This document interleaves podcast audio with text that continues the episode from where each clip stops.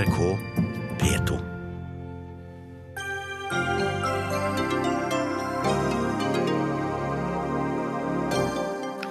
Offiseren som beordret en kvinnelig soldat til å bade naken sammen med et trettitalls menn, blir likevel ikke refset av Forsvaret. Uforståelig, sier Arbeiderpartiet og ber forsvarsministeren om nytt regelverk. Vi har skapt positive bønder med tro på fremtiden, sier Per Sandberg om at færre bønder flykter fra landbruket. Frp tar æren for en utvikling som ikke er deres fortjeneste, svarer Trygve Slagsvold Vedum. Oppdatering av mobilnettet er som å utføre service på en bil i fart. Det sier Telenor, som vil endre rutinene etter at nettet var nede i to timer i forrige uke.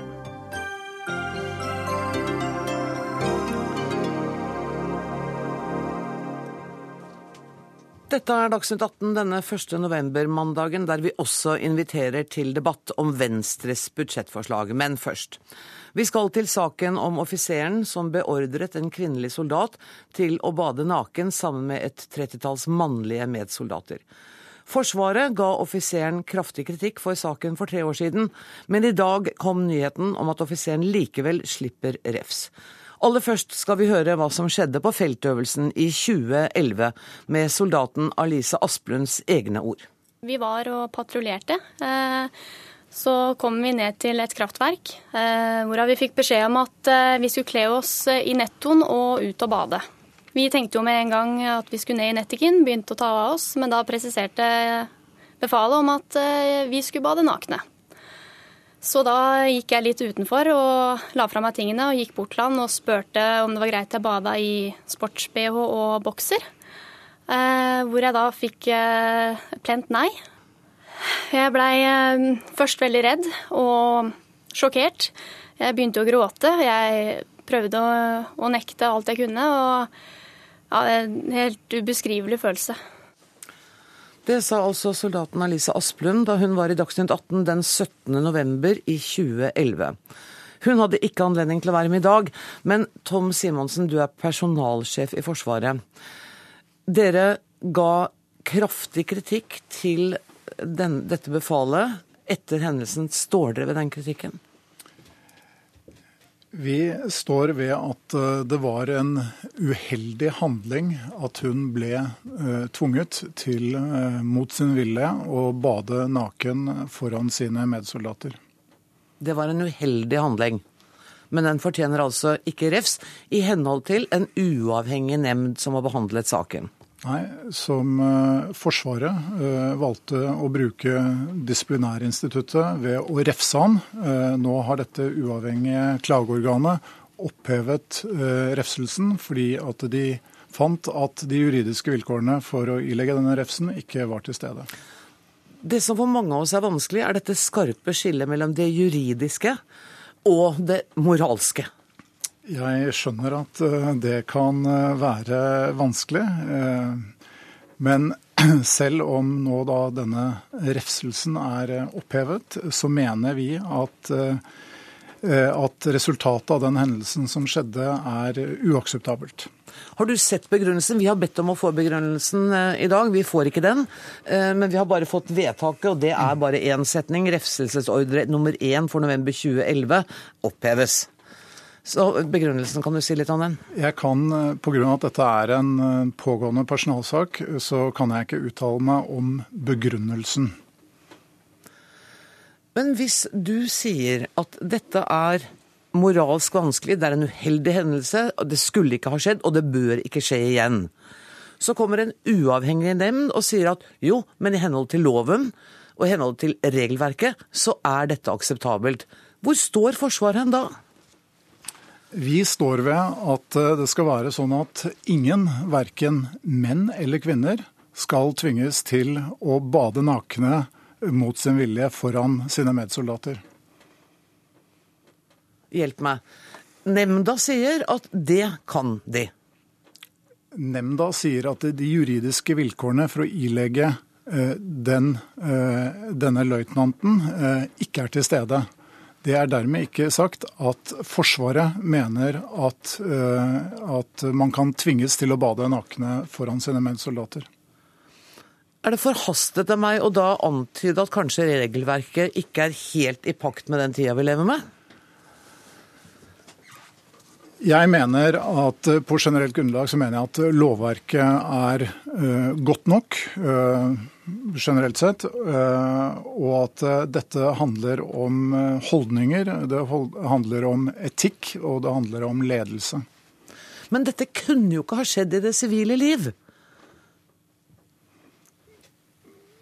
Uten å ha blitt straffet? Kunne du se for deg én situasjon i det sivile liv hvor noen kunne tvinge meg til å Jeg mener jeg ikke kom på noen eh, tilfeller i sivile liv som dette kunne ha skjedd. Eh, og, men samtidig så tror jeg heller ikke at uh, uansett hvilket regelverk vi har, da, at det vil hindre at slike hendelser uh, skjer. Det som kan hindre eh, slike hendelser i fremtiden, er at man fortsetter å ha et kontinuerlig fokus på holdningsskapende arbeid, og det har vi gjennom dette handlingsprogrammet som vi kaller HEL, eller holdninger, etikk og ledelse. Er dette en enestående hendelse? Jeg er ikke kjent med, med andre lignende tilfeller. Kan grunnen til det være at andre kvinner som har opplevd noe, ikke melder fra? Selvfølgelig er det en hypotetisk mulighet, men vi har innført ulike former for rapporteringssystemer som gjør at eh, både vernepliktige og ansatte kan rapportere anonymt eh, uønskede hendelser. Og ut av det har ikke vi kunnet se at eh, det har vært lignende tilfeller.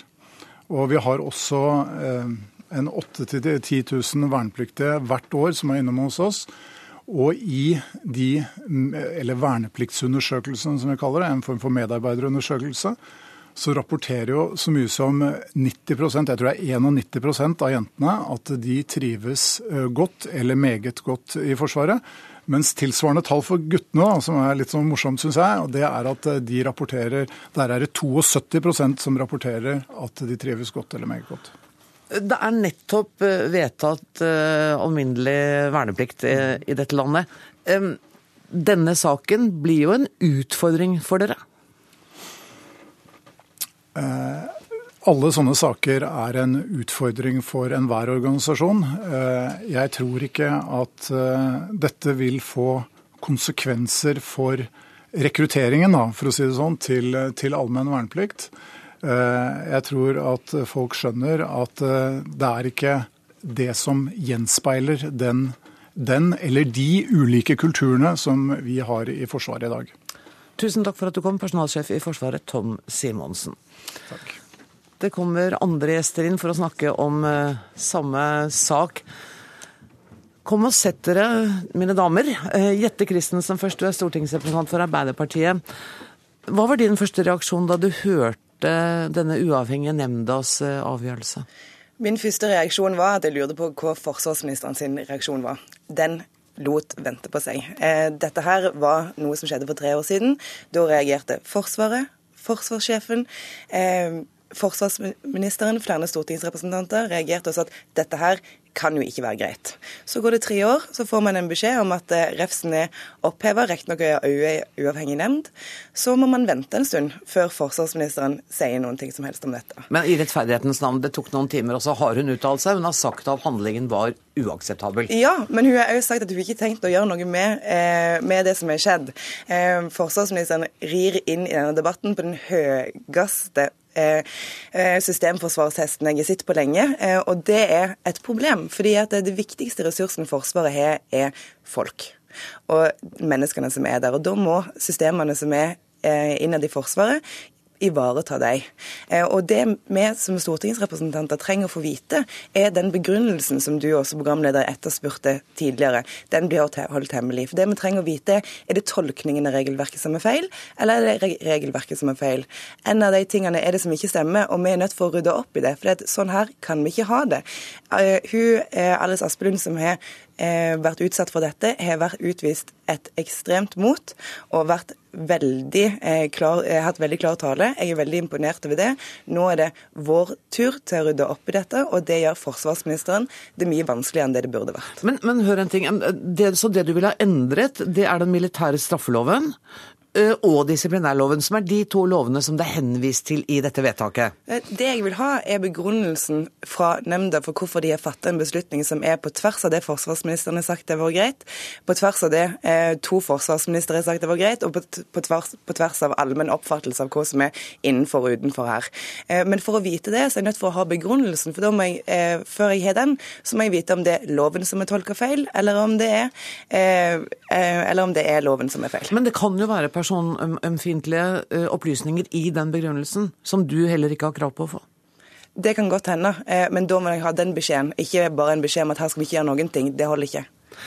Regina Alexandrova, forsvarsministeren, kunne ikke komme til oss i dag. Bare dra den mikrofonen til der. Sånn, ja. Kjempefint. Eh, som jeg sa, forsvarsministeren kunne ikke komme i dag, men som forsvarspolitisk talsperson i Høyre får du fortelle oss. Hva vil dere gjøre for å hindre at sånt skjer igjen? For det første så vil jeg si at jeg er veldig glad for at forsvarsministeren og forsvarssjefen og ledelsen i Forsvaret har vært så tydelige på at eh, den hendelsen som har foregått, har vært helt uakseptabelt. Eh, og Forsvaret gjør mange ting allerede i dag, og de gjorde det fra eh, den hendelsen oppsto. De har også, som det ble nevnt av personen som var inne her tidligere, et program, sånn helprogram, hvor man tar for seg etikk og ledelse, hvor man Altså, de gjennomsyrer hele Forsvaret i forhold til soldater, i forhold til yngre befal og befal, hvordan man skal oppføre seg, hvordan man skal håndtere forskjellige situasjoner. Eh, og jeg er veldig eh, tilfreds med de holdningene som er i Forsvaret, og de holdningene man jobber med. Eh, og du har tenker... selv vært i Forsvaret i mange år. Ja. Har du opplevd noe som ligner det som vi har hørt her? Eh, jeg har opplevd eh, situasjoner som ligner veldig, og at man skulle ut og ha bading. Det har jeg gjort eh, flere ganger i forhold til at gjørmeløype, i forhold til at patruljering. Men vi har aldri kledd helt av oss. Vi har beholdt undertøy på, og det har aldri vært situasjoner som på en måte at vi har blitt utfordret på det. Og det tenker jeg den belastningen som denne jenten fikk med at eh, hun ble tvunget til å kle av seg, er uakseptabelt. Og det er helt unødvendig å skulle komme opp i, i sånne situasjoner. Men jeg tenker det som ble nevnt her med, med lovendring.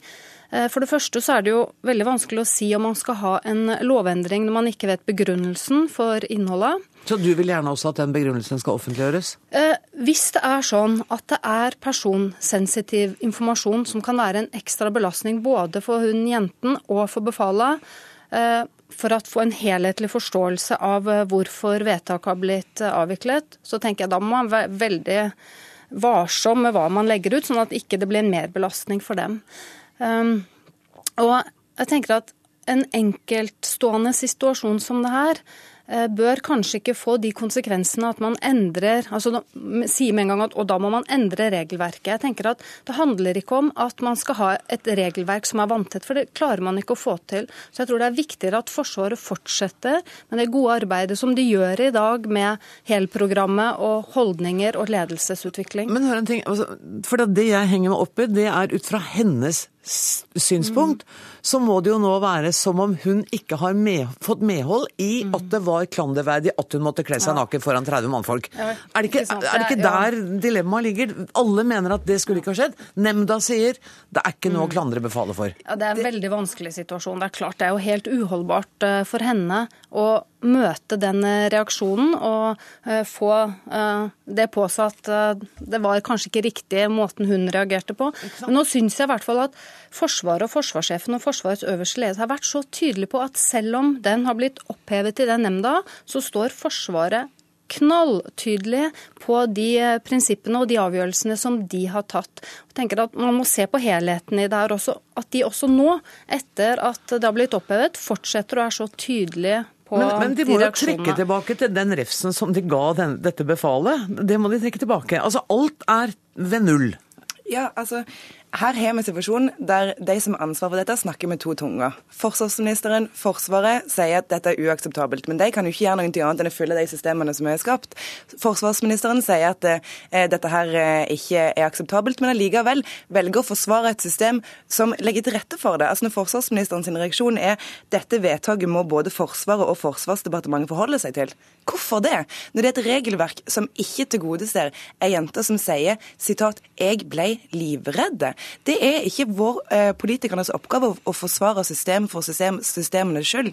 Det er politikernes oppgave å forsvare mennesker i systemet som jo, føler seg urettferdig behandla. Er det ikke sånn at når en uavhengig nemnd er klageinstansen, så må man faktisk forholde seg til den? Det du forfekter nå, er at om en sivilsak går til Høyesterett, så bør ikke forholde seg til dem hvis vi ikke er enig med den? Det stemmer ikke. Eh, dette her er uavhengig nemnd som eh, han har anka til.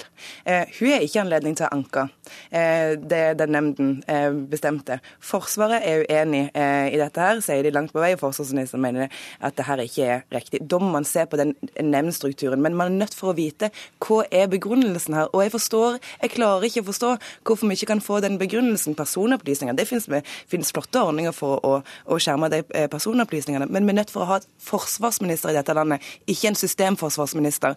At Forsvaret sine viktigste ressurser er folk, og da må vi ta vare på dem. Ja, ehm, Jeg er enig i at det hadde vært mye enklere hvis man hadde fått informasjon om hva den begrunnelsen lå i. Men sånn som jeg har skjønt det, så er det eh, omfattende personopplysninger for begge parter. Og hvis for å få en helhetlig forståelse av eh, at dommen har blitt trukket tilbake. Hvis det bunner ut i da, at man må fram med de personopplysningene, så tenker jeg at eh, det må man jo ta hensyn til, og i hvert fall vurdere hvordan man skal ta saken videre. Men samtidig så ser jeg jo det dilemmaet som eh, kommer opp her, at hun jenta blir satt i en veldig vanskelig situasjon. Det blir nesten som at hun får et overgrep på nytt igjen. At hun blir utsatt for det her om å gå gjennom. Hun måtte jo gå gjennom et nytt avhør også, i forhold til den nemnden her.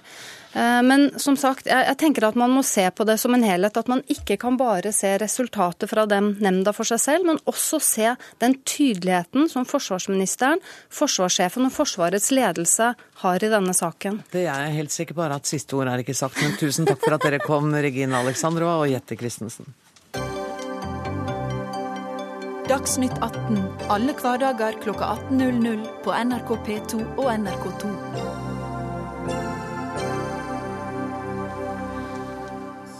Venstres leder ble provosert, og nestlederen sa at han kjente på en indre kjenslestorm da Siv Jensen la fram regjeringens forslag til statsbudsjett. I dag virket det mye mer harmonisk i venstreeieren, for nå var det Venstres egen tur til å legge fram sitt alternative statsbudsjett. Terje Breivik, finanspolitisk talsperson i Venstre. Hvilke følelser tror du Siv Jensen må kjenne på når hun leser ditt budsjettforslag? Nei, jeg håper hun får en, får en viss kjenslestand. Det er jo et, en utrolig vakker måte å si det på, i det minste. Veldig fint. Så, men altså, dere, dere reverserer regjeringens avgiftskutt på vei, bil og drivstoff, f.eks.? Ja, Venstre har presentert et uh, forslag til statsbudsjett i dag som kvitterer ut på de punktene som er helt avgjørende for, for viktige politikkområder, særlig klima. Sant? Senest i går så kom FNs klimapanel med en ny, ganske, ganske uh, tung rapport som sier at det ikke bare haster, men verden som sådan må redusere CO2-utslippene med 40-70% innen 2050. Eh, så presenterte da regjeringen et statsbudsjettforslag som øker utslippene i Norge framover mot 2020.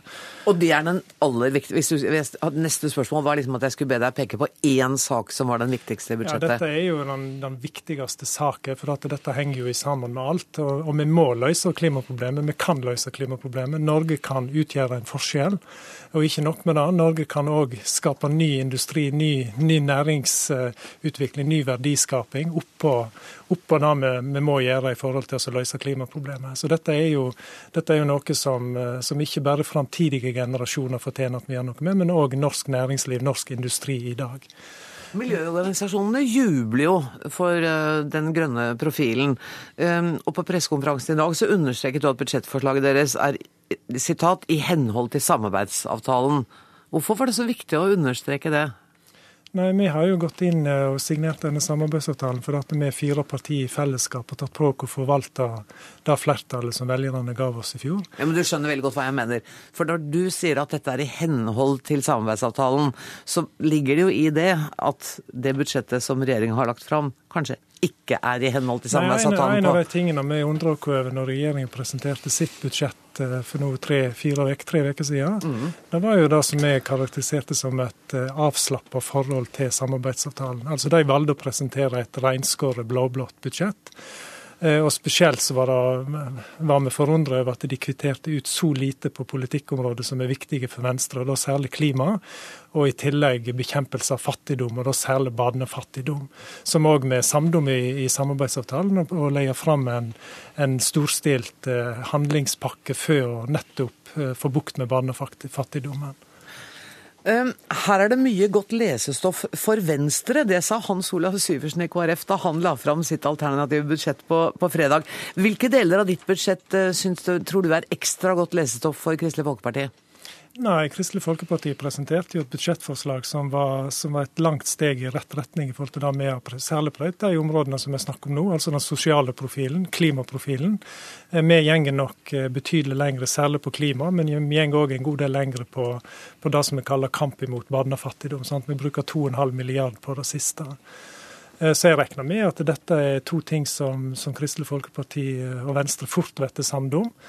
Eh, I tillegg så har vi brukt betydelige midler på det tredje området, som, som vi mener regjeringen leverte svakt på, nemlig, nemlig å få gjort noe med innovasjon, gründerskap, eh, som er helt avhengig av som nasjon. For at Innovasjonsevna til Norge er det, det mest varige konkurransefortrinnet vi har, og som er en forutsetning for å skape, skape verdier som igjen skal sikre framtidig velferd. Så, så alle de tre tingene regner jeg med at KrF, KrF fort kan, kan, si at dette er dette vi, vet vi samde om. Kjell Ingolf Ropstad, stortingsrepresentant for Kristelig Folkeparti. Alle disse tre tingene går ut fra at, at dere lett kan være enige om. Men det vi ikke har snakket om, er kontantstøtten. Ja, men jeg syns det er litt ufint når det er Venstre sin dag, der de legger fram okay. et budsjett. Altså, Det er jo et tjukt eh, dokument som de har brukt masse tid på. Og jeg syns de fortjener ros for veldig mye godt. Og så kan vi hoppe på det som er utfordrende, som journalistene syns er spennende. Eh, og da er det klart for KrF så er det ikke noe det er jo ikke noe gøy å lese at Venstre vil fjerne kontantstøtta. Heldigvis så er jo både Høyre og Frp enige med oss om at det er viktig for å sikre familiene valgfrihet. Mm. Men når det gjelder klima, så er dere helt enige? Ja, altså vi, vi, er helt enige med at vi må gå mye lenger eh, enn det regjeringa la fram. Eh, og så er det klart at vi har litt ulike forslag på noe. Og, men jeg tenker sånn at nå har Venstre lagt en del forslag i potten, og sammen så er det veldig mye bra forslag som vi kan ta med inn i forhandlingene og forhåpentligvis få godt gjennomslag for. Men kommer dere til å samkjøre eh, forslagene deres før dere går i møte med regjeringen, eller hvordan gjør dere dette sånn rent praktisk? Rent, rent praktisk med Forhandlingene starter i morgen formiddag. Mm. Da vil jo jeg ta med meg Venstre sitt budsjettforslag. Og, og Ropstad tar med seg KrF sitt. Ropstad tar med seg KrF sitt, og det er jo utgangspunktet. Så dere gjør ikke noen sånn litt småforhandlinger eh, i utgangspunktet med hverandre for å liksom stå som en samla front eh, overfor regjeringspartiene? Vi snakker jo hele tida sammen, og Venstre har veldig mye bra. Eh, og KrF er jo fornøyd med veldig mye av det som ligger på bordet. På det jeg, spør om, jeg spør om, Snakker dere sammen sånn at dere står omforent om et par-tre av forslagene som dere er enige om at dette vil vi ikke gi oss på? Men, men, det vi har gjort nå, er jo å legge fram primære budsjetter. Eh, og Venstre er veldig tydelig på at de ønsker å stemme for sitt når det, den tid kommer. Og vi har lagt fram det som, som vi ønsker skulle fått gjennomslag. Og så Når vi ser Venstre sine forslag nå, så kommer vi helt sikkert til å samsnakkes på at det er kanskje en bedre tema, en bedre løsning enn det vi hadde. Og det er vi åpne for. Vi ønsker jo å få mest mulig gjennomslag for KrFs retning. Altså Da, da snakker jo vi om klima, vi snakker om fattigdom, den sosiale profilen som ikke er god nok, eller valgfrihet for barnefamiliene. eller vi har jo et, av kanskje KrFs viktigste satsing er jo flere lærere for de yngste elevene i skolen. Så bare vi løsner og får til ting på dem, så er vi ganske åpne på, på en del av forslagene som Venstre kommer med. Men kontantstøtten blir dere ikke enige om? Klart, det blir ikke mening om, men det er klart Venstre og KrF kommer jo til å samsnakkes underveis i forhandlinger. Sant? Altså makt, Makta til Venstre og KrF er jo veldig avhengig av at vi står sammen i, i, det store og det hele. Eh, Samtidig er ikke det noe problem i praksis. Sant? Regjeringspartiene har heller ikke noe interesse av å prøve å splitte, splitte Venstre og KrF. Sant? Vi har en samarbeidsavtale som vi fire partier har tatt på oss et felles ansvar å forvalte i i denne perioden. Eh, og jeg og Venstre går jo inn i forhandlingene med det som agenda, og bidrar til at vi, vi kommer i mål i, sams, i, samsvar med den samarbeidsavtalen og i samsvar med det, det, det mandatet vi egentlig fikk av velgerne i fjor høst. Men, men, da må jeg jo si at etter å ha sett fremleggelsen av eh, regjeringens eh, budsjett og reaksjonene både fra deg og Trine Skei Grande, så virker det jo ikke som om det, den samarbeidsavtalen er veldig sterk. Det er jo det som er en av de tingene jeg kommer til å lytte ekstra godt i disse forhandlingene på. Sant? Jeg kommer jo til å møte til forhandlinger med, med to ører og én munn, ikke minst for å lytte på regjeringspartiene sin, sine tanker omkring praktiseringen av samarbeidsavtalen. Og nettopp dette som jeg har sagt flere ganger nå, måten vi i fellesskap forvalter, forvalter mandatet velgerne ga oss, og gir landet den styringen som, som landet fortjener i denne perioden. Ropstad, hvilken innflytelse har dere sammen over det som blir det endelige budsjettet? Jeg tror vi er ganske gode. Samtidig så er det jo sånn at uh, hoved, eller store summene i budsjettene er jo stort sett låst. Uh, men, men, KrF og Venstre må jo ha betydelig gjennomslag for at vi kan sette stempelet på det. Vi, vi, har vært med på å si at det er OK at Erna Solberg danner regjering, og det koster mye, det. Uh, for det er mange avgjørelser de kan ta som, som vi gjerne skulle sittet innenfor og bestemt innimellom, men, men, avstanden var for stor. Og da er vi veldig avhengig av at budsjettene blir gode. Og det, det spørsmålet som du ikke har stilt, som, som jeg mener ja. du burde stilt, ja, takk. Det, det, er jo stikkordet formuesskatt. For det er jo kanskje den store Det er jo ikke en elefant i rommet, men det store konfliktspørsmålet som, som blir krevende. Vi foreslo jo å, å si at for den sosiale profilen var ikke god nok. Du kan ikke ha et budsjett der du gir fire milliarder i skattelette gjennom formuesskatten til de aller rikeste, samtidig som du har usosiale kutt med f.eks. å ta barnetillegget for de uføre eller feriepengene fra arbeidsledige. Men det er jo Venstre helt enig med dere i. Nei, men poenget er jo at Venstre sitt budsjett de opprettholder jo kuttene i formuesskatten, men det har en annen vridning. En helt men, annen vridning som men, gjør en mye poeng... jevnere uh, fordeling av godene ja, enn Ja, du, du, du, kan si at det er de, øv, de som har over en million i formue, ja. som får skattelettene. Men, men, hvis du er opptatt av en sosial profil, eller du er opptatt av næringslivet, eller målretta tiltak for næringslivet, så treffer jo faktisk Høyre sin modell vel så godt godt. Og Derfor så er jo det vi har sagt, er jo at når Scheel-utvalget kommer nettopp med en utredning om hvordan kan vi få skatteletter på en best mulig måte så næringslivet skal sikres vekst, så bør vi vente på den. Og vi har jo sagt arbeidende kapital, og vi vil fjerne formuesskatten på det, for det er det mest målretta. Og derfor så er det utfordrende iallfall når man bruker så mye penger allerede i budsjettet nå. Det ble en lang tale. Eh, kjære venner, jeg har invitert kollega politisk kommentator Lars Nehru Sand til å kommentere litt eh, de to budsjettene. Dere er hjertelig velkommen til å sitte og høre hva han har å si eller dere kan være litt feige og bare gå. Men uh, Lars Nehru Sand Nei, dere fikk ikke det nå. Jeg vil gjerne ha dere her. Uh, Lars Nehru Sand, hva er din første reaksjon? Først og fremst at vi ser, som Breivik var litt inne på i sitt resonnement, at, at uh, Kristelig Folkeparti og Venstre går veldig til kjernen i å fremme sin egen primære politikk. Uh, for så vidt ikke unaturlig i et, uh, i et alternativt budsjett, men de gjør det med mye større bravur nær sagt, enn en de nok ellers ville gjort, hadde det ikke vært for den provokasjonen de følte at regjeringens budsjettforslag var. Så sammenlignet med den avtalen for et år siden hvor alle fire skrev seg sammen, sammen. Så har de nå skrevet seg litt tilbake igjen før de, og, og til sine egne fanesaker før de setter seg i forhandlingsrommet. Det gjør også at det vil eh, ta tid og vil være harde forhandlinger de nå skal gjennom. Men er det egentlig regjeringspartienes eh, skyld at situasjonen har blitt som den har blitt? Det var i hvert fall de som hadde eh, første serve i, i, denne kampen. og Det er jo rent kronologisk eh, følge av at det er de som legger frem budsjettforslaget først. Men, Men kunne sett... de ha justert seg ned litt for å imøtekomme de to partiene? Det er en del av saken i regjeringens eh, budsjettforslag som man kunne forutsette, i hvert fall. At, at det ikke rimte helt med partiprogrammene til eh, KrF og Venstre. Og det er en del av det eh, KrF og Venstre gjør nå, som er en, en tilsvarende provokasjon tilbake igjen. F.eks. når KrF, nei, når Venstre i dag vil øke bensinprisen, eh, så, så, er det noe Fremskrittspartiet har store problemer med å godta. Og det, det er jo en sånn sak som vil ta litt tid å forhandle om, da, vil jeg tro. Men hvordan fungerer dette samarbeidet, da? Eller hvordan kommer det til å fungere nå? Dette er den tøffeste prøven i det året som har gått. Men det er også en følge av at dette er et budsjett som skal forhandles. Det er helt konkret politikk ned på postnivå på statsbudsjettet, ned på desimaler i kronebeløp. Og da, eh, da holder det ikke med runde formuleringer eller eh, enkle kulepunkt. Og da blir det mye verre enn det var for et år siden, naturlig nok. Eh, men det som kommer til å prege disse forhandlingene, kanskje enda mer enn i fjor, når man flytter på rundt to milliarder kroner, det er at man nå har stor avstand i hvor mye regjeringen og sentrum ser for seg at man skal flytte på, og at man må diskutere eh, ganske bredt eh, fra menyen av saker hva man skal eh, flytte på. Da er ikke KrF og Venstre enige om alt, og da er begge sentrumspartiene interessert i å reversere satsing og hjertebarn fra regjeringspartiene. Helt kort til slutt, kommer samarbeidsavtalen til å overleve disse budsjettforhandlingene? Det er nødt til, hvis ikke er det ikke noe, noe, vits i å ha den der. Og det er fellesskjebnen til de fire.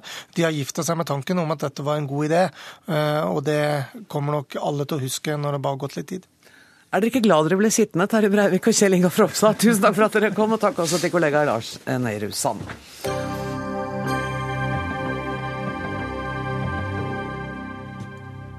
Og det skal fortsatt dreie seg om politikk. Færre bønder rømmer fra landbruket. Antallet er det laveste på mange år. Det viser tall som Nasjonen la fram forrige uke. Både Høyre og Frp jubler og mener det er tegn på en vellykket landbrukspolitikk. Per Sandberg, medlem av utenriks- og forsvarskomiteen og nestleder i Fremskrittspartiet. Hva er det regjeringen har gjort riktig ja, Vi har gjort masse riktig. Jo, jo, men jeg tenker i forhold til bøndene. Ja, og, og da er det at jeg, Jeg er ikke så sikker på at tallene er poenget, og jeg er ikke så opptatt av å ta æren heller. Jeg kan gjerne ta æren for den gode sommeren, da. Eh, det kan Senterpartiet også gjøre. Det. For det, det, det, gir noen gode tall for bøndene også. Ja. Men for meg, det som er overordna for meg, det er det at optimismen i landbruket har snudd. Det er positive eh, retninger på alle mulige områder. Og der tror jeg faktisk at denne regjeringa har bistått i stor grad. Eh, gjennom eh, bl.a. Å, å doble konsesjonsgrensene for melk, f.eks. Vi har ute på høring nå eh, også det, i forhold til kylling. Eh, vi har enorme... Eh, er det produksjonstak på kylling du snakker om? Ja, nemlig. Ja. Mm. Og det har gitt en form for optimisme der ute. Jeg var sjøl ute og reiste sammen med landbruksministeren ganske tidlig. Besøkte noen av mine gamle skolekamerater på Skogn som er bønder, og de jubler. De jubla den gangen fordi at de har fått en helt annen optimisme i forhold til satsing for landbruket. Investeringene går, går til værs, og det har også regjeringa lagt til rette for. Så, og, og husdyrtilskuddet har økt osv. Så, videre. så det er masse gode, positive signaler, signaler fra landbruket. Så sier ikke jeg her at Fremskrittspartiet etter ett år i regjering skal ta æren for alt det, men vi syns det er litt morsomt, da. For at før vi kom inn i regjering, altså for et år siden, så skulle det bli både ragnarok og rasering av norsk landbruk. Og etter ett år så går det i hvert fall rimelig greit, syns jeg. Det syns ikke du, Trygve Slagsvold Vedum. Men, altså, men tallene er jo helt tydelige her, da. Det er mindre flukt fra landbruket nå enn det var da du f.eks. var landbruksminister. Jeg er jo veldig glad for at det er mange som har lyst på å være bønder. Jeg syns det er litt for få, men, eh, men jeg er alltid glad for det. også er jo dessverre ikke alle tallene som Per Sandberg her sier med investeringer og sånn. Det har gått ned, men, men, men, men samme det. Men hva, altså, hva har det Sivi Listhaug har fått til i landbrukspolitikken det året har vært landbruksminister? Hun har hatt to saker i Stortinget som har fått flertall for. Det ene er reindriftsavtalen, og det andre er endringen i statens naturskadeordning, saksbehandlinga. Alle andre saker har hun ikke fått gjennomslag for. Så det, Frp har ikke fått gjennomslag for noe av sin politikk. Det har vært masse støy, oppslag, mediedebatter. Men det er bare to saker å få gjennom i Stortinget. Og det er jo nesten ny norsk rekord i mangel på saker gjennom Stortinget. Men, men når Sandberg snakker om produksjonstak på melk og, og kylling, og, er det ikke riktig, det da? Nei, altså Vi har jo ikke, vi har jo ikke et produksjonstak som Det heter ikke det heter kvoter, men samme, samme. Ja, men det var jo jordbruksoppgjøret. Og Hva skjedde med jordbruksoppgjøret? Og Det har vært overstyrt av Stortinget. Det har aldri før skjedd i jordbruksoppgjøret sin historie at den har blitt overstyrt i Stortinget plussa på. Og Det første regjeringa gjorde når de fikk makt, det var å sa vi skal endre tollvernet. Vi skal redusere tollvernet. Vi skal hjelpe dansk industri, ikke norsk industri. Men heldigvis så sa stortingsflertallet nei til det store tollgrepet. Og Frp gikk til valg på å kutte rammestøtta med nesten 5,5-6 milliarder kroner. Og de har ikke kutta ei krone, for det har blitt overstyrt av Stortinget hver eneste gang. Og det er derfor at folket vil ha en annen landbrukspolitikk enn Frp. Og Stortinget har stoppa Frp ved hver runde. Det er veldig interessant, altså, for at du benekter jo hva som er gjort. Altså melkekvote eller konsesjoner er dobla. Ja eller nei? Ja eller nei? Men det har ikke skjedd noen endringer. Vi, vi, har ut på, hø, vi har ut på høring i forhold til konsesjoner på kylling. Vi ønsker å doble fra 140 000 til 280 000, sånn at du får heltidsbønder også innenfor kylling, osv.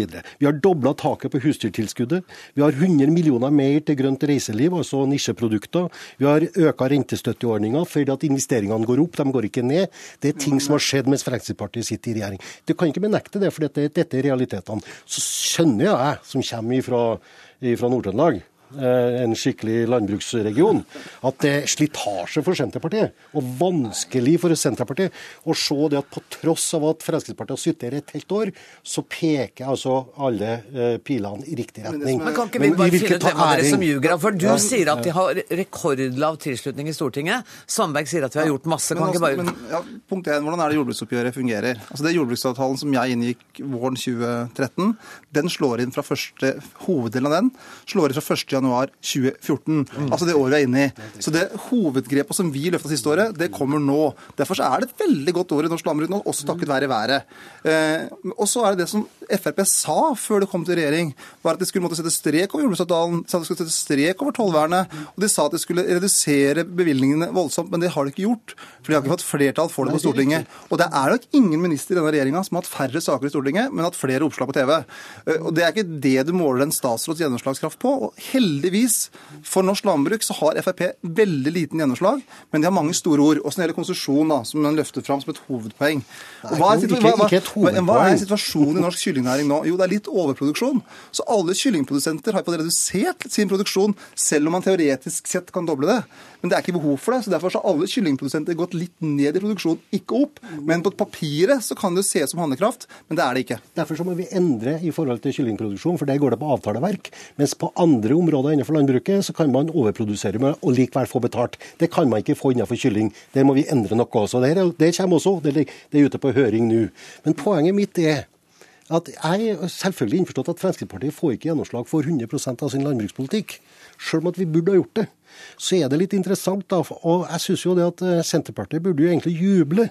Eh, at, over at Fremskrittspartiet nå sitter i regjering, og så går det, går det, bra. Det går rimelig greit. Og så er det sånn at det er flere grep som kan gjøres framover. Så skjønner jeg at det er vanskelig for Senterpartiet. Som hver gang de har sittet i regjering, så har det blitt lagt ned tusenvis av bruk i dette landet. Og, og det er litt paradoksalt også, for at hver gang de har sittet i regjering, så har det øka med antall bruk som har blitt nedlagt. Hver gang de har sittet der. Men, men, og det syns jeg det er vanskelig å svelge. Men, men Per Sandberg har misforstått, har misforstått så enormt mye. For Det har vært en veldig effektivisering av norsk landbruk. Og altså, nedlegging av bruk. Jo, men det er litt naturlig. For hvis traktoren er større, så kan du gjøre, gjøre en større jobb. Ja. Så at det skjer endringer, det er naturlig. Mm. Men det som vi klarte å få til, det er at vi begynte å få en inntektsvekst og få forutsigbare rammevilkår, bl.a. med et velfungerende tollvern. Og Det er derfor det er så viktig nå at Frp ikke får gjennomslag for noen ting. Og til nå så har jo landbruksministeren bare hatt to saker der hun har fått Stortingets tilslutning. og Det er reindriftsavtalen og det er statens naturskadeordning. To det, viktige saker. Jo, det er viktig. Det er ja. kjempeviktig, det.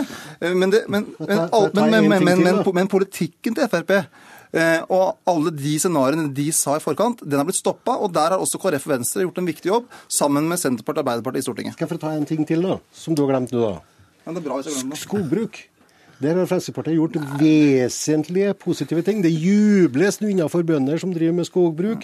Det her med skogsbilvei og alt mulig sånt. Og jeg er sikker på at alle i Senterpartiet jubler også for at Fremskrittspartiet nå har pressa gjennom betydelig flere millioner til å bygge skogsbilvei, sånn at du kan bli mer effektiv i forhold til skogbruk osv. Videre. det, det er en rekke andre ting, men altså, at de ikke ønsker å fokusere på det, helt greit. Det går rimelig greit. Dere økte 10 millioner på skogsbilveier i fjor høst, og dere økte 10 millioner nå. Men hvordan finansierte dere det?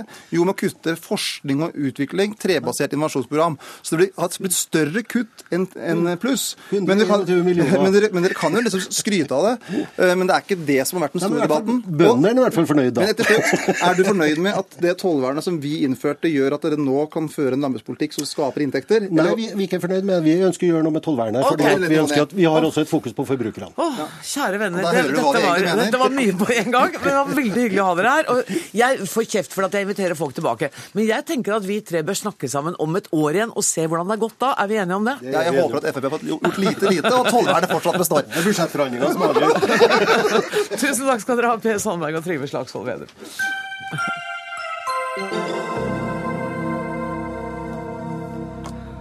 Sist torsdag opplevde tre millioner mennesker å være uten mobilnett i to timer. Det var en oppgradering hos Telenor som ikke gikk som den skulle, og som fikk alvorlige følger for brukerne. Myndighetene var ikke nådige i sin kritikk av selskapet. Dette sa direktøren for Post- og teletilsynet, Torstein Olsen, i Dagsrevyen fredag kveld. Virker det som Telenor ikke helt forstår hvor viktig mobiltelefon er for folk i dag? Jeg tror nok de forstår det, men det synes som de glemmer det. altså. Og det er Når de setter i gang en oppgradering av systemene sine, så bør de jo sitte der og følge med hva som skjer. Og dersom noe galt skjer, så må de rulle det tilbake med en gang. De kan ikke bare sette i gang dette her, og så gå og sette seg og se på TV. Berit Svendsen, administrerende direktør for Telenor i Norge.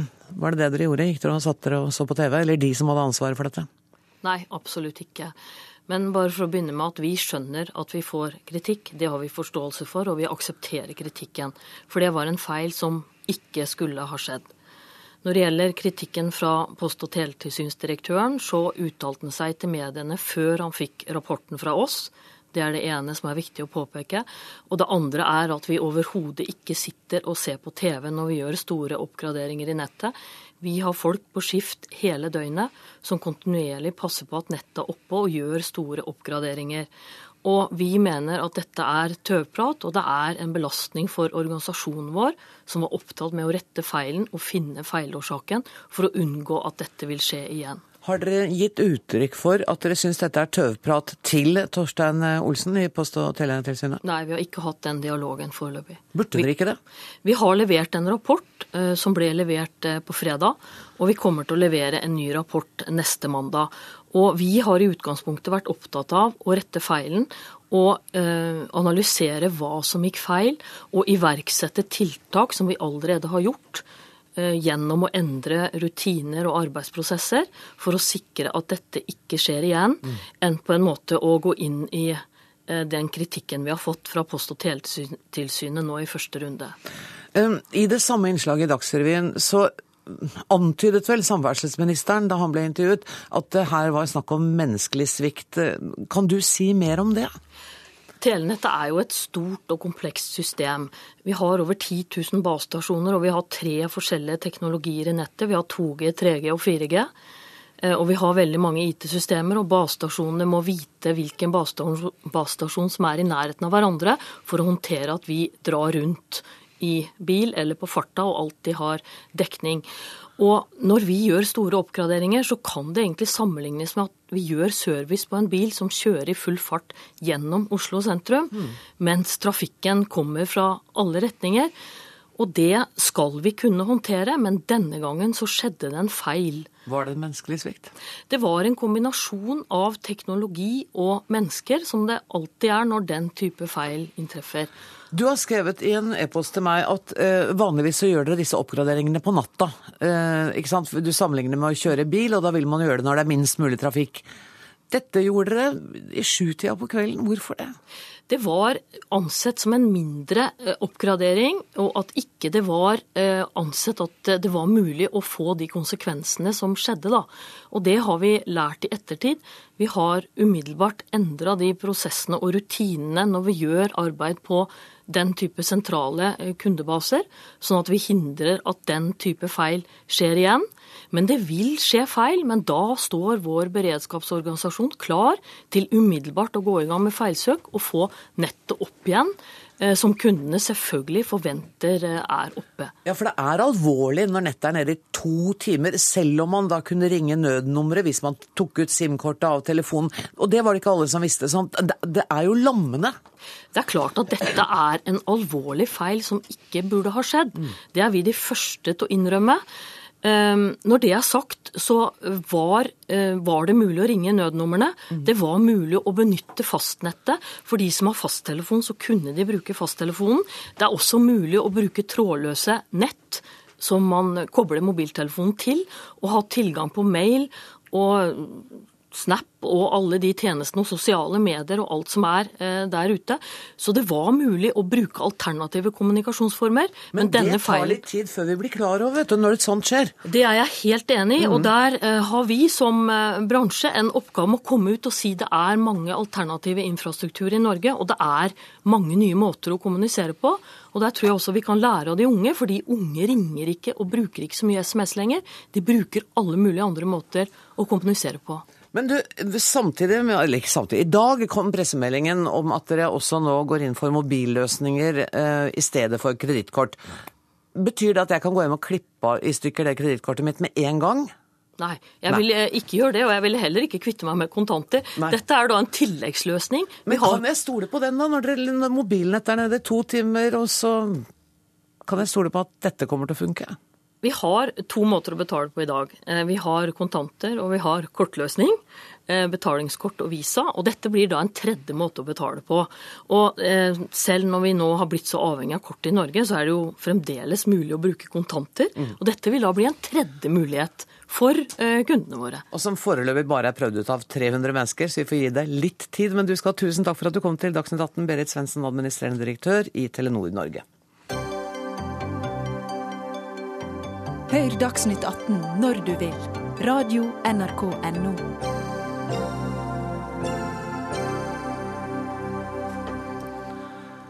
I går kom FNs klimapanel med dystre spådommer og sterke advarsler om miljøet vårt. Og i dag presenterte Statoil den nye oljesatsingen på Johan Sverdrup-feltet.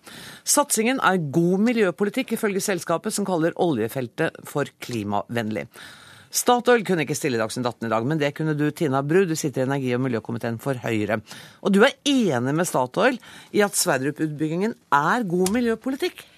Jeg vil nok ikke kalle Sverdrup-utbyggingen miljøpolitikk. Å nei. Men Hva vi, vil du kalle den? Nei, altså Når vi en gang har olje- og gassproduksjon i Norge, mm. eh, og vi skal utvikle et nytt stort gigantfunn i Norge, og det feltet får kraft fra land, så mener jeg at det å si at kraft fra land, det er et miljøtiltak. Det vil kutte alle fremtidige utslipp fra det feltet, og det er god miljøpolitikk.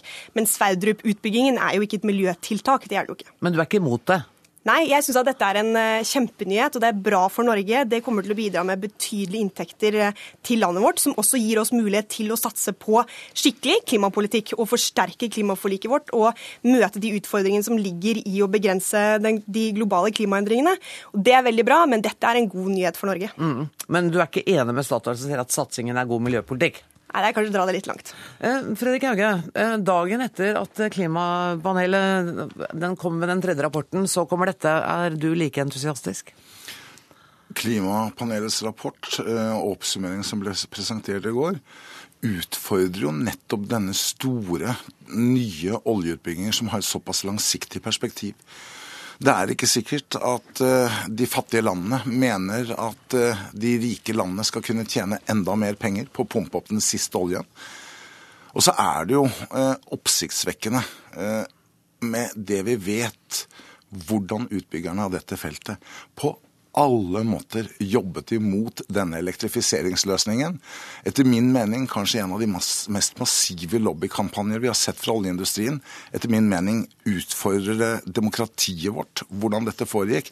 Og så så kort tid etterpå gå ut og si at dette er miljøvennlig, miljøvennlig olje. Ja, for nå har de jo fått de, altså de måtte jo bite i det sure eplet og ta imot den elektrifiseringen. Sånn at ja.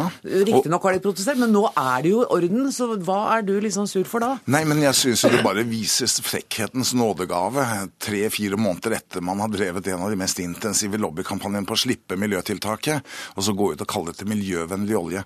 Jeg tror at Statoil har et stort behov for å legitimere videre utbygginger. FNs klimapanel sin rapport er svært alvorlig. Det er en oppgradering og et krav om et taktskifte mm. som er langt mer enn mange av oss hadde trodd for fem til ti år siden. Eh, sånn at dette blir jo, altså, Og jeg er for så vidt av den meningen at Sverdrup har en lavere produksjonskostnad enn f.eks. Åsta Hansten-utbygging, som jeg mener vi kommer til å gå underskudd på. Det betyr at man har en høyere toleranse på klimatiltak. Men jeg er ikke sikker på om vi kan eh, sende mer eh, CO2 fra norsk oljeproduksjon ut i atmosfæren etter 2030-35. Ja. Men det vet jo ingen. Uh, jo, altså, det, altså, Egentlig så vet jo, vi, vi vet at vi må redusere mye til 2030. Ja, vi vet det veldig mye bedre i dag enn for tre dager siden. Men er ikke denne elektrifiseringen et poeng? Altså, Er ikke det godt nok sånn som det er nå? Vi har jobbet så enormt mye for å få den elektrifiseringen på plass. Nettopp. Eh, så, så, så vi er jo glad for det. Men det er ikke miljøvennlig olje. Poenget er at det vi lærer nå, er at nå må vi gå fra kull til fornybar. Vi kan ikke gå veien via olje og gass. Men må bare si først og fremst her da, at jeg syns dette er en litt sånn skeiv fremstilling. Fordi Sverdrup var planlagt med kraft fra land fra dag én. Det lå også i konseptvalget til Statoil, som de lanserte tidligere i år. Der lå hele Sverdrup-utbyggingen med kraft fra land. Så jeg opplever ikke altså Det å si at det har vært en sånn enorm lobbypågang for å hindre det, det blir litt merkelig i og med at Statoil sa at de ønsket det hele veien. Ja, Men det, uansett så er det snøen som falt i fjor. Nå er ja. det uh, kraft fra land, og det er i orden. Ja. Eh, men allikevel vil ikke du si at det er et miljøtiltak. Er du litt enig med Hauge i at man vet ikke kan vi slippe ut mer CO2 i 2035? Kommer verden til å akseptere at Norge gjør det? Alle framtidsanalyser viser at også i fremtiden så vil det være et behov for en viss mengde olje og gass i verdens energimiks. Verdens energibehov det vokser, det vil øke masse, og man trenger mer energi. Man trenger massivt mer fornybart. Man trenger også å hente masse energi gjennom energieffektivisering bl.a. Men olje og gass vil være en del av miksen. Spørsmålet er hva slags fossil energi skal vi ha i den fremtiden? Det er ikke plass til kull, det er vi nødt til å fortrenge. Det er jeg og Fredrik Hauge enig i. Helt Og vi må redusere utslippene med 40 innen veldig kort tid? Nei, vi står faktisk i en situasjon hvor kull kan komme til å bli mer miljøvennlig enn norsk gass. Og det må vi ta inn over oss. Fordi at FNs klimapanel så klart sier at vi må velge karbonnegative løsninger. Med kullkraftverk så kan vi fòre inn 50% med bio. 50% kull, CO2-fangst og -lagring, og vi snur noen av de største utslippene til å bli sugerør for CO2 ut av atmosfæren. Men, det er mye... meg, for dette kan jeg ingenting om. Nei, det er fordi bioenergi er CO2-nøytralt. Så hvis vi lager energi av det, og fanger CO2-en, og deponerer det sånn som vi hadde tenkt å gjøre på Mongstad, så lager vi en CO2-fjerningsprosess. Dette leder vi arbeidet for for kommisjonen i Brussel. Dette er nettopp en av de viktigste konklusjonene til FNs klimapanel i rapporten som ble eh, presentert i går. Hører jeg deg nå slå et slag for fortsatt kulldrift på Svalbard? Nei, ikke nei. nødvendigvis. men ikke helt nei heller? Nei, jeg, jeg sier at vi må stille oss noen spørsmål. Vi tror at gass, å erstatte kull med gass, er en veldig god miljøløsning i Norge. Det ser nå ut som at det å kunne bygge om kullkraftverkene til å kunne f.eks. ta 50% kull, 50% CO2-nøytral biomasse med CO2-fangst og -lagring, det er den type teknologier som for første gang nå FNs klimapanel sier at det må vi begynne å legge til rette for. Okay. Jeg, jeg, tror vi kommer til å trenge karbonfangst og -lagring både på kull og på gass for å møte fremtidens eh, energibehov.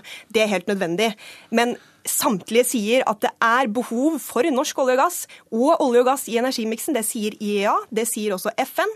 Så det er ingen motsetning her. Vi er nødt til å dra i samme retning og gjøre på alle fronter. Fram til 2030-35 så vil det uh, kunne brukes en del fossil energi. Etter 2030-35 i de rike landene må dette skje med CO2-fangst og -lagring. Men er det feil? Altså Jeg oppfattet at uh, eh, FNs klimapanel i går sa at vi er nødt til å redusere utslippene mm. med 40% og vi må gjøre det i går. Nå.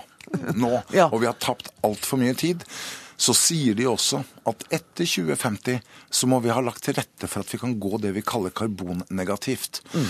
Og da er CO2-fangst og -lagring, sier FNs klimapanel, vil redusere kostnadene med 50 eh, og det er nødvendig å tilrettelegge for det. Og da er det jo for Og det er da vi skal begynne å bruke kull igjen? Ja, hvis ikke vi får til da altså Nå har vi jo skutt oss selv i foten mm. med å utsette alt som har med CO2-fangst på, på rensing av gass. Og det gjør at gassen er veldig mye mindre interessant i energimiksen i EU. Diskusjonen om kull er vi nødt til å ta en annen gang. Nå må jeg si tusen takk for at dere kom til Fredrik Hauge og til Tina Bru.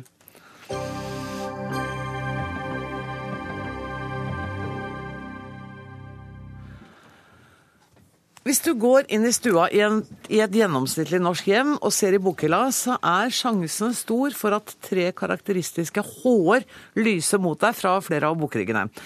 I 75 år har en redaksjon samlet opplysninger om året som er gått, med fakta om viktige og kanskje ikke fullt så viktige hendelser, og om sentrale personer i Norge. Gratulerer med jubilanten Knut Are Tvedt. Eh, du er redaktør av Hvem, hva, hvor 2015. Takk for det. Åssen kjennes det? Jo, det er jo alltid moro å få Hvem, hva, hvor eh, ut i bokhandelen og ut til, ut til folk. Det er tredje året du er redaktør? Ja, det er tredje året jeg er redaktør for denne boken, ja. Følger du helt slavisk malen fra gamle dager? Ja, Ikke helt slavisk, men det er jo en mal som er lagt for en del år siden, dette her. Så vi, vi har jo tradisjoner å bygge på. Men dere, har, dere gjør noen endringer?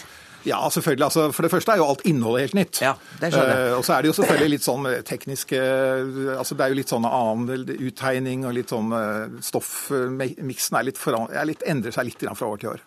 Men er det de samme medarbeiderne som skriver fra år til år også? Ja, altså det jeg holdt på å si, Nå er det jo noen nye, men det er faktisk veldig mange som har vært med veldig lenge. Vi har altså medarbeidere som har vært med helt siden 60-tallet. Og hvem er det som kjøper denne boka? Er det nerder som har alle bøkene, og som også har 2015? Ja, nå er det jo ikke sånn at de som eh, har alle bøkene er nerdere. Det er nei, jo vanlige norske okay, familier. Unnskyld, ja.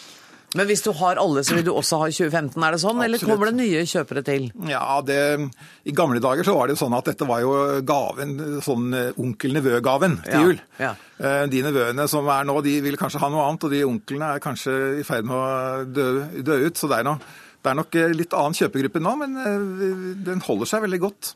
Gjør den det? Mm. Anne Bamble Kjellaug, du er journalist, og du har for andre gang bidratt i boka med kapittelet om TV og radio. Hvorfor vil du skrive i Hvem var hvor? Det virker liksom litt gammeldags, hvis jeg får lov å si det sånn? jeg, jeg, gjør det jo med en viss ærefrykt, fordi eh, man definerer på en måte historien når man, eh, når man setter seg ned og skal si hva er det som egentlig skjedde eh, i 2014. Så det er et veldig sånn ærefullt oppdrag å få, å kunne skrive historie. Da. Det er dette som de kommer til å huske om 50 år at skjedde på dette feltet. Jeg har bare så vidt bladd i artikkelen din, jeg må innrømme at jeg har ikke lest den. Men jeg tenker, Er det vanskelig å velge ut hva du skal skrive om? Eh, ja, det er jo det. Fordi du skal jo både eh, være litt eh, bred, sånn at du skal ha med litt fra forskjellige kanaler og sånne ting. Og så skal du tenke på hva er det egentlig som har skjedd, hva er det som folk husker da, fra 2014, og hva har vært de viktige sakene. Så det er alltid en vurdering på hva som, hva som er verdt å, å, ha med der. Men altså med denne med internettgenerasjonen, har de behov for hvem hva, hvor? Jeg tror nettopp internettgenerasjonen har behov for hvem var hvor. fordi okay. det er jo noe med at det er så ekstremt mye informasjon som svirrer rundt i samfunnet vårt nå, at vi trenger liksom den redigerte versjonen av hva som skjedde det året. Fordi den kan du ikke google deg fram til. Jo, eh, det kan du. Det tar bare litt tid. da skal du google ganske lenge, i hvert fall. Men, eh, men, her er det noen som har satt seg ned og, og redigert eh, og, og valgt ut det de mener er det viktigste som skjedde det året. Og det tror jeg er en veldig verdifull ting. Kjenner du litt på at det er et ansvar å skrive i et oppslagsverk? Veldig. Ja. Eh, det er egentlig litt skummelt. Eh, eh, samtidig som, som, man må jo bare Når man får den oppgaven, så må man jo bare takke ja og gjøre det. Men jeg, ja, jeg har kjent veldig på at dette her kommer til å bli stående. Og de valgene jeg tar nå, de, de står liksom om 50 år. Du skriver bl.a. om radio og TV. Betyr det at du liksom ser alt? Eh, nei, det, det, gjør det ikke. Jeg er kulturjournalist, så jeg er jo Du er sånn opptatt av det generelt? Ja, ja, oppdatert på feltet. Og siden det er andre året jeg gjør det i år, så har jeg jo prøvd å eh, tenke gjennom året hva, hva er det som rører seg. Men samtidig så, så, greier du ikke helt å gjøre det før du faktisk sitter der og må se tilbake og se liksom et overblikk. Da, og se hva som faktisk har skjedd i løpet av det året. Og et uttrykk blant oss journalister er 'kill your darlings'. Altså man har en masse stoff, og så må noe ut. Det er en, prosess du kjenner igjen, tenker jeg? Eh, ja, det er det. Eh, denne boka heter 2015, mm. men den handler om 2014. Hva er det for noe tøv? Nei, nei det, Sånn har det vært helt siden 1935. Hvorfor det? Eh, nei, så, det, er, det, er, også det at denne boken skal brukes da i det året som kommer. Eh, det står jo aktuelle ting her, og biografier på aktuelle personer og om aktuelle politiske problemstillinger, som skal være en håndbok til hjelp for det året som kommer. Oh, ja. Sånn at jeg skal sitte i 2015 og se tilbake på det som skjedde i 2014? Ja, det må du gjøre. Ja, det, ja, det må jeg. Hvis du skal lage gode radioprogrammer, så må du vise litt hva som skjedde i året før. Så må jeg vite hva som skjedde. Men uh, det er noen år hvor det ikke kom ut ja, det var i krigsårene, da, selvfølgelig. Så kom det ikke ut eh, Så, så når du sa 75 år i innledningen, så er ja. ikke det helt Nei. riktig. Nei, jeg hadde en følelse av det. Utgave nummer 75. Det er utgave nummer 75. Ja, For hvilket år var det første? Det er faktisk 80 år. Ja, nettopp. Mm. Så dette er den 75. boka? Dette er den 75. boka. For hvilket år var det første? Det var altså i 1936, da. Tror du på et liv for denne boka i framtida? Absolutt.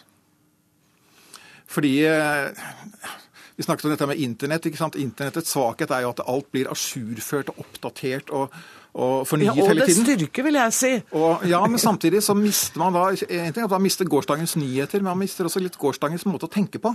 Altså Du skal gå til en 20 år gammel Hvem var hvor i bokhylla di, og så skal du le litt av hvordan folk så ut på håret.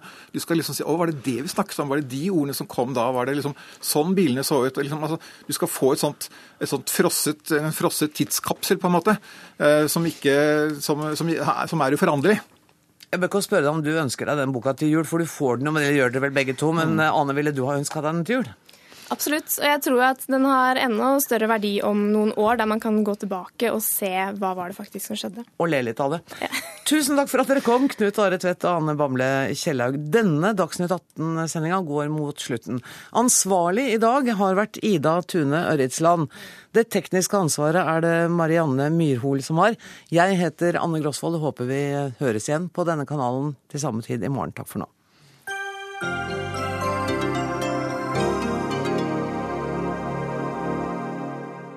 Hør flere podkaster på nrk.no podkast.